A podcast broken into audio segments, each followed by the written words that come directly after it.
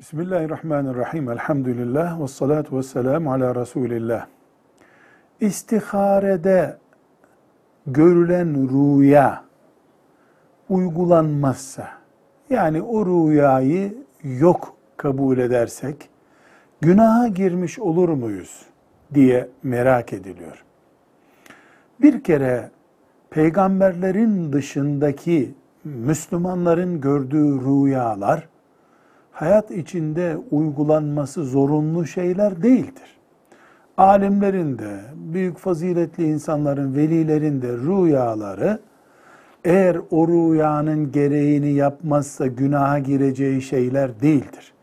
Müslüman Kur'an'a uymazsa, hadisi şeriflere uymazsa, ulemanın fıkıh iştihatlarına uymazsa vebale girer.